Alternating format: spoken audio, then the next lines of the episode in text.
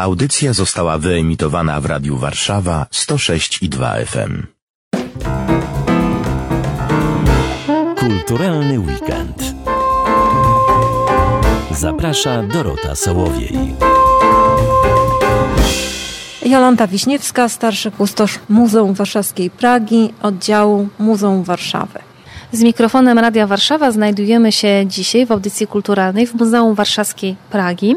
Tutaj odbywa się wiele wydarzeń w ciągu tygodnia, w każdy weekend, wystawy stałe, wystawy czasowe, a my dziś wyjątkowo zaglądamy, aby Państwa zaprosić na najbliższy spacer, sobotni. Tych spacerów oczywiście muzeum organizuje wiele, ale ten w sobotę e, rusza właśnie stąd, wyjątkowo ciekawy, bo mówi właśnie o kobietach z Pragi, o prażankach, tak można powiedzieć.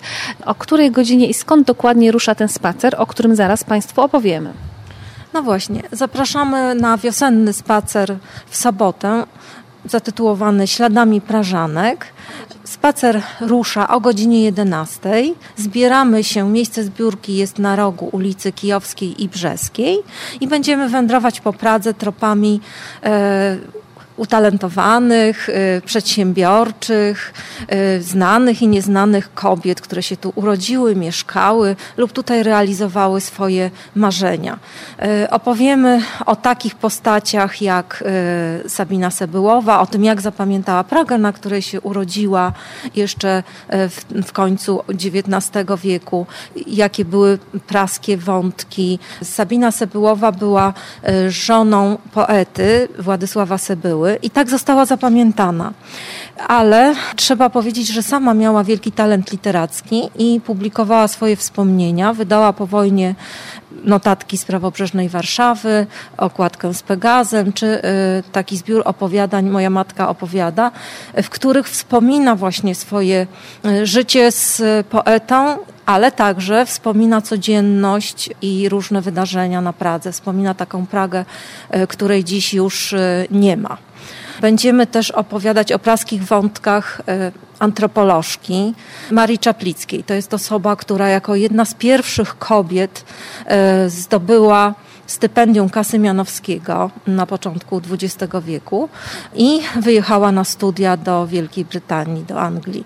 Studiowała między innymi e, na Uniwersytecie Oksfordzkim i tam też później wykładała. Zorganizowała w czasie I wojny światowej wyprawę na Syberię nad Jenisej i tam spędziła cały rok. I o jej właśnie takich praskich wątkach jej biografii będziemy też opowiadać. Będziemy opowiadać o arystokratce y, Marii Radziwiłowej, która tutaj na Brzeskiej i nie tylko y, miała swoje ulubione miejsca i też tutaj y, mieszkała. I o tym, co dla Pragi i, i dla prawobrzeżnej Warszawy zrobiła. O takich postaciach jak no właśnie, to często są żony. E, żony przedsiębiorcy, żony poety, żony literatów, jakby postacie dru drugoplanowe. My będziemy o nich opowiadać, o ich pasjach, o ich życiu i o tym, co o ich marzeniach też w czasie tego spaceru. Więc będzie to taki, powędrujemy sobie Brzeską, Targową, e, Kępną, no w, kierunku, w kierunku Wisły. Taki wiosenny spacer. Zbiórka o godzinie 11 w sobotę e, na rogu ulicy Kijowskiej i Brzeskiej. Trzeba oczywiście wcześniej nabyć bilety. Bilety kosztują 5 złotych. To naprawdę symboliczna cena 5 zł za taki wspaniały spacer, za taką wiedzę. Gdzie ten bilet należy nabyć wcześniej? Można go nabyć w kasie muzeum, ale także y, przez internet. Czy można w, kasie, w muzeum, w kasie muzeum, ale można też przez internet, y, online też y, jest sprzedaż biletów. Czyli na spacer trzeba już przyjść gotowym. Tak, na spacer trzeba przyjść z biletem, bo ilość miejsc jest ograniczona. E, to jest w ogóle spacer, który inauguruje tegoroczną edycję wydarzeń z cyklu Prawobrzeżni. Projekt Prawobrzeżni prowadzimy od 2015 roku. Jest to taki projekt biograficzny, w którym mm, prowadzimy badania, e, ale także opowiadamy o różnych postaciach związanych z prawobrzeżną Warszawą, postaciach i rodzinach. W tym roku szczególnie będziemy opowiadać o kobietach, e, ponieważ jesienią otwieramy wystawę Prawobrzeżne, dedykowaną dziewięciu niezwykłym kobietom. ich niezwykłym biografiom. To będzie taka opowieść o przekraczaniu barier, o realizacji własnych celów. Wśród bohaterek tej wystawy będzie między innymi Helena Rzeszotarska, będzie Ninel Kamera-Skos, Wśród bohaterek tej wystawy e, będzie między innymi Helena Rzeszotarska, Jadwiga Czajka, Buba Czuperska, Jadwiga e, Stanisława Umińska, Wanda Schreiberówna, Towa Rubin. E, to dziewięć wspaniałych kobiet, które realizowały swoje marzenia spacer przed nami, później wystawa, więc tych wydarzeń jest bardzo wiele. A ja też zapytam o zdjęcia, które Pani tutaj przed nami rozłożyła. Przypominam, jesteśmy w Muzeum Warszawskiej Pragi i Pani także, oprócz tego, że będzie oprowadzać po Warszawie, to zwiedzanie będzie ubogacone właśnie tymi zdjęciami, tymi reprodukcjami, na które mogę teraz spoglądać. Gdyby Pani mogła o każdym z nich chociaż jedno zdanie e, powiedzieć, może zaczniemy od tej słynnej produkcji postaci myszki Miki, która trwała w Warszawie y, jeszcze chyba przed II wojną światową. Co przedstawia to zdjęcie? Czy też tam będziemy podczas spaceru? Będziemy pod kamienicą Manitiusów, w której mieściła się firma, y, wytwórnia zabawek Edwarda Manitiusa, męża y, Wandy Manitiusowej. I tam właśnie w latach 30. produkowano drewniane myszki Miki, które miały wydrążone brzuszki, do których można było schować na przykład wedlowskie słodycze. I tutaj mamy takie zdjęcie Wandy Manitiusowej e, z serią myszek Miki. E, ona była osobą niezwykle uzdolnioną plastycznie, zresztą po wojnie również produkowała zabawki i galanterię drewnianą, była mistrzynią rzemieślniczą. I myszki Miki też były sprzedawane do Ameryki chyba. E, one wędrowały do różnych sklepów, głównie e, sklepów firmowych, e, takich wielkich marek cukierniczych jak Fuchs czy, czy Wedel przed wojną, ale także do drogerii w całym kraju, w różnych miastach, także za granicę. Pewna partia na pewno znalazła się mm, tuż przed wojną w Nowym Jorku, w Oslo, w Amsterdamie. No, Edward Manitius zakładał, że rozszerzy swoją działalność no ale wybuchła wojna, więc Wiadomo, po wojnie były już całkiem inne warunki dla rzemieślników. Wanda Manitiusowa jest przykładem e, postaci, która już przed wojną realizowała własne zainteresowania. Ona była zapaloną fotografką, fotografowała przed ślubem, publikowała w dodatkach ilustrowanych do pism codziennych e, i fotografowała przyrodę.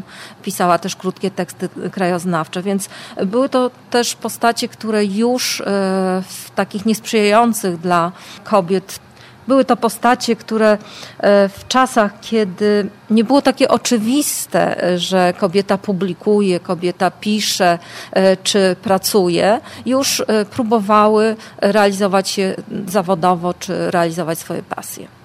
Kogo jeszcze zobaczymy na tych zdjęciach, które właśnie mm, Pani tutaj dla naszego radia przyniosła? Tutaj mamy plakat, który zaprojektowała i wykonała Maria Werten. E, to była znana graficzka, malarka, projektantka zabawek, e, która współpracowała z praską firmą Gnom przy dawnej ulicy Zygmuntowskiej. I to też bardzo ciekawa postać. Bardzo ciekawe losy były e, sióstr Łabusiewiczuwien, założycielka znanej praskiej żeńskiej szkoły Zofia Łabusiewicz była była wspomagana w swojej pasji przez swoje siostry i tak naprawdę to one sprawiły, że po jej śmierci, tragicznej śmierci w wypadku tramwajowym w 1920 roku, w roku, w którym wypuściła pierwszy rocznik maturzystek, jakby podjęły tę pracę i e, szkoła przetrwała. Były to też bardzo e, ciekawe postacie. Kogoż tu my jeszcze mamy? Tu mamy jeszcze przed sobą e, obraz czy zdjęcie? No to jest zdjęcie z wyprawy Marii Czaplickiej. E, Maria Czaplicka e, na arenie podczas swojej wielkiej wyprawy, wyprawy życia, podczas roku spędzonego właśnie na Syberii. Tutaj mamy też portret Klary Skoryny. To kobieta, która już w pierwszej połowie XIX wieku, żona przedsiębiorcy, potem wdowa po przedsiębiorcy, próbowała swoich sił właśnie poprzez poprzez y, rozkręcanie własnych interesów własnego pomysłu, własnych przedsiębiorstw. Tak. Mamy jeszcze jedną niespodziankę dla gości Muzeum Pragi. Po spacerze na naszej stronie internetowej będą dostępne mapki z biogramami i adresami i Prażanek, i Prażan, y, osób związanych z warszawską Pragą i będzie można dzięki tym mapkom y, samodzielnie tworzyć własne trasy spacerów, czy to rodzinnych, czy to y, z przyjaciółmi, czy to samotnych wędrówek po Pradze. A to temat bardzo ciekawy, bardzo zajmujący i chyba temat, o którym wciąż mało mówimy, więc po to są tego rodzaju akcje i temu będzie służyła zbliżająca się powoli wystawa. Zapraszamy serdecznie. Dziękuję bardzo.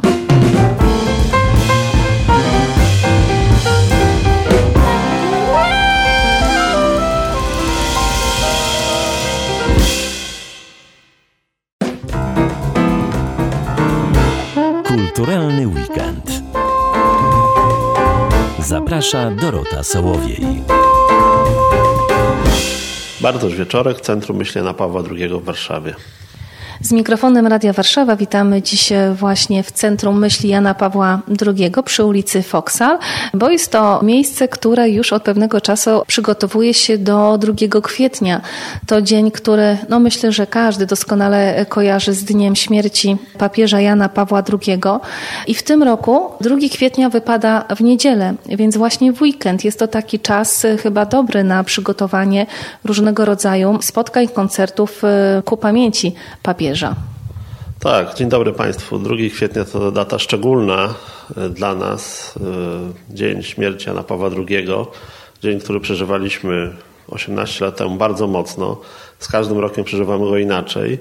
I po 18 latach też te przeżywanie musi być inne, więc dla nas e, sama data śmierci papieża jest pewnym punktem odniesienia do tego, żeby zwrócić uwagę na wartości, nauczanie, i postawy, które prezentował Jan Paweł II w czasie swojego całego pontyfikatu, ze szczególnym odniesieniem tego zagadnienia do nas samych, czy na ile my realizujemy te e, postawy i nauczania Jana Pawła II, czy tylko po prostu traktujemy Jana Pawła II jako ważną postać historyczną. A my chcemy, żeby on nie był tylko postacią historyczną, ale był ważnym źródłem inspiracji dla nas. Więc 2 kwietnia dla nas jest datą ważną, ale tak naprawdę my przez cały rok staramy się papieża przypominać, pokazywać pewne sprawy, które były dla niego ważne, a które są uniwersalne.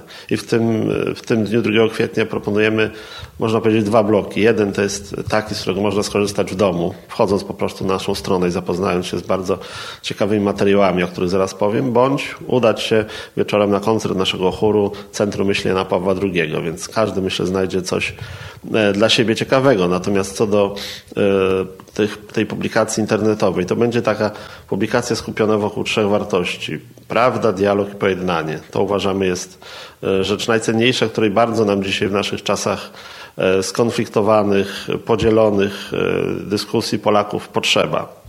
Czyli dialog jest dla Jana Pawła II narzędziem spotkania się między ludźmi różnymi, i wzajemnego poznania się. Właśnie nie przekonywania, nie przerzucania racjami, nie wykazywania wyższości, ale przede wszystkim spotkania. I właśnie zaprezentujemy taki film y, zawierający różne wypowiedzi Jana Pawła II na temat dialogu i różnych ważnych y, intelektualistów, osob osobowości, które z papieżem współpracowały, które będą pokazywały, jak on rozumiał dialog i co dziś z tego dialogu możemy y, przenieść do życia publicznego i jak dzisiaj nam tego dialogu brakuje. Bo bez dialogu nie, nie, nie zrealizuje się druga ważna wartość życia społecznego, czyli prawda. O prawdzie każdy dzisiaj mówi, ale mało kto chce do niej naprawdę podejść na poważnie. My uważamy, że bez prawdy bez prawdy historycznej, prawdy społecznej, prawdy politycznej, prawdy na temat płci, trudno jest mówić o budowaniu społeczeństwa. Jeżeli do tej prawdy nie będziemy dążyć, nie będziemy mieli jakiejś wspólnej idei tej prawdy, to będziemy cały czas zwaśnionymi, okopanymi w różnych stronach obozami, które będą siebie zwalczały. Więc wyjście przez dialog do tej prawdy jest fundamentem, żeby spojrzeć na siebie jako członków jednej wspólnoty, którzy mają różne zdanie, ale zasadniczo jako ludzie są identyczni, mają takie same prawa, takie same wartości, takie same prawo do życia i wyrażania swoich przekonań. No i ta wartość fundamentalna, którą nam zależy, którą Jan Paweł II bardzo cenił, prezentował, to jest pojednanie. No jeżeli doszło po II wojnie światowej do pojednania polsko-niemieckiego, po takim ogromie krzywd, które Polacy doznali od Niemców. Inicjatorem tego był episkopat polski, później Karol Wojtyła i Jan Paweł II bardzo dużo działali na rzecz tego dialogu, no to no nie wypada nam być dzisiaj osobami, które nie chcą dążyć do pojednania, czy to w rodzinie, czy w pracy, czy, czy w szkole, czy, czy w różnych miejscach, gdzie jesteśmy, bo każdy z nas jest za to odpowiedzialny. To też chcemy zwrócić uwagę, że Jan Paweł II to jest pewna postać, która historycznie zrobiła pewne rzeczy, natomiast on zadaje nam pytanie o nas samych czy my też prowadzamy taki dialog? Czy my jesteśmy ludźmi pojednania, którzy chcą wyciągnąć rękę i spotkać się z kimś, kto wydaje się dla nas na danym etapie osobą y, nie do zaakceptowania, mającą różne poglądy sprzeczne. Więc to pojednanie jest fundamentalne. Widzimy teraz, jak na naszych oczach dokonuje się pojednanie polsko-ukraińskie, które wydawało się jeszcze niemożliwe. Co prawda bardzo tragicznych okolicznościach, ale też pojednanie y, polsko-żydowskie, do którego, czy ogólnie chrześcijańsko-żydowskie, do którego Jan Paweł II prowadził. Spotkanie religii z całego świata, które było w Asyżu, też wydawałoby się rzecz niemożliwa niezrozumiała wówcześnie, kiedy papież ją e, przeprowadzał. Wiele osób było krytycznie nastawionych, że to jest e, rozmywanie wyjątkowości chrześcijaństwa, że to jest za daleko idący dialog. No okazało się, że nie ma innej drogi. Nie ma innej drogi dzisiaj, jak tylko wzajemne rozmawianie, słuchanie, cierpliwe wysłuchiwanie się. Inaczej pozostaje nam waśń, kłótnia, spór czy wojna, więc te trzy wartości, prawda, Dialog i pojednanie będziemy prezentować właśnie poprzez film, poprzez taką też publikację ekspercką dotyczącą w ogóle właśnie dialogu i pojednania w myśli Jana Pawła II, którą przygotował nasz ekspert, pan Sebastian Duda. I wieczorem, jak wspomniałem, zapraszamy na koncert naszego chóru. Ten film, o którym Pan cały czas właśnie wspomina, y, to będzie jakby premiera, po raz pierwszy będzie pokazywany? Tak, ten film będzie po raz pierwszy pokazywany. On będzie zmontowany z materiałów naszego archiwum Centrum Myślenia Pawła II na portalu JP2 Online. Tam są materiały archiwalne, natomiast one będą specjalnie wybrane, teraz przesortowane i właśnie tak, żeby powstał na nowo taka publikacja, która ma w pigułce pokazać tę wartość. Ten film będzie można oglądać od 2 kwietnia. Czy tylko 2 kwietnia, czy y, również później?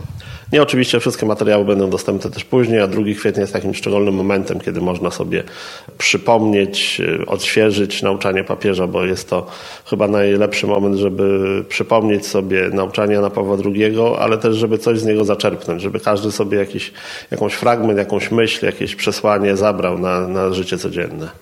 Tak jak Pan wspomniał, zapraszamy także 2 kwietnia na koncert papieski wieczorem. E, szczegółowe informacje znajdą Państwo na stronie e, Centrum Myśli Jana Pawła II, a korzystając z okazji, że gościmy właśnie u Państwa w Centrum Myśli Jana Pawła II, podpytam e, o to, czym Państwo na co dzień zajmują się, jeśli chodzi o postać papieża, bo noszą Państwo to godne imię Jana Pawła II, więc to nie są tylko te szczególne dni jak 2 kwietnia, ale to jest taka codzienna działalność. Tak, ta codzienna działalność jest najważniejsza, bo ona y, daje możliwość pewnego realnego wpływu na odbiorców i zmiany ich postaw, bo o to, o to nam najbardziej chodzi, żeby nie tylko mówić o Janie Pawle II i o wartościach, które przyświecały, ale żeby ludzie zechcieli wziąć jakieś wartości dla siebie, zmienić się, przemyśleć pewną, pewne, pewne e, sprawy i jedną z takich ważnych naszych działań jest praca ze stypendystami. Jako miasto stołeczne Warszawa, instytucja kultury przyznajemy stypendia młodzieży szkolnej, podstawowej też licealnej i mamy specjalny program stypendialny dla tej młodzieży, więc zachęcamy do składania w przyszłym roku takich stypendiów i do brania udziału w naszym programie stypendialnym. Prowadzimy też działalność upowszechniającą kulturę, w lato zapraszamy na przegląd filmowy tutaj na podwórzu Kamienicy przy Foksal 11.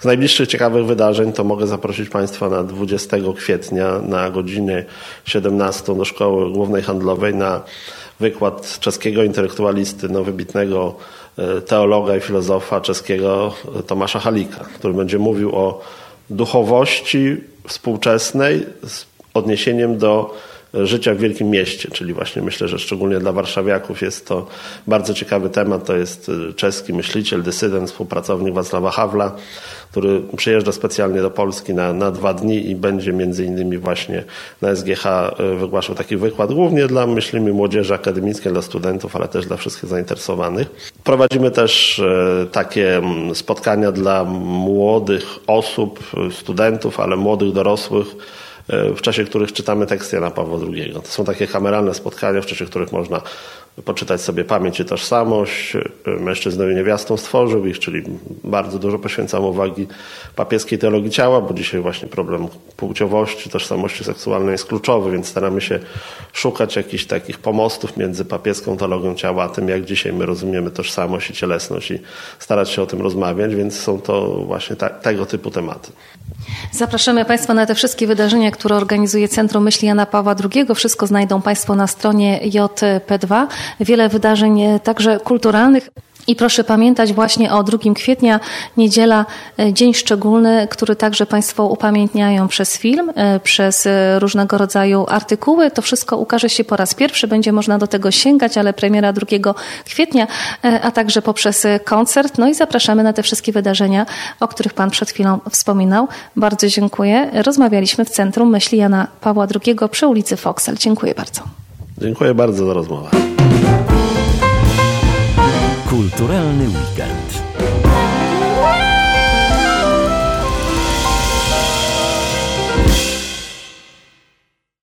Radio Warszawa nagrywa i udostępnia nieodpłatnie audycje takie jak ta. Dzięki wsparciu finansowemu słuchaczy i przyjaciół. Wejdź na www.radiowarszawa.com.pl i wpłać darowiznę. Wzmocnij nasze dobre fale. Dziękujemy.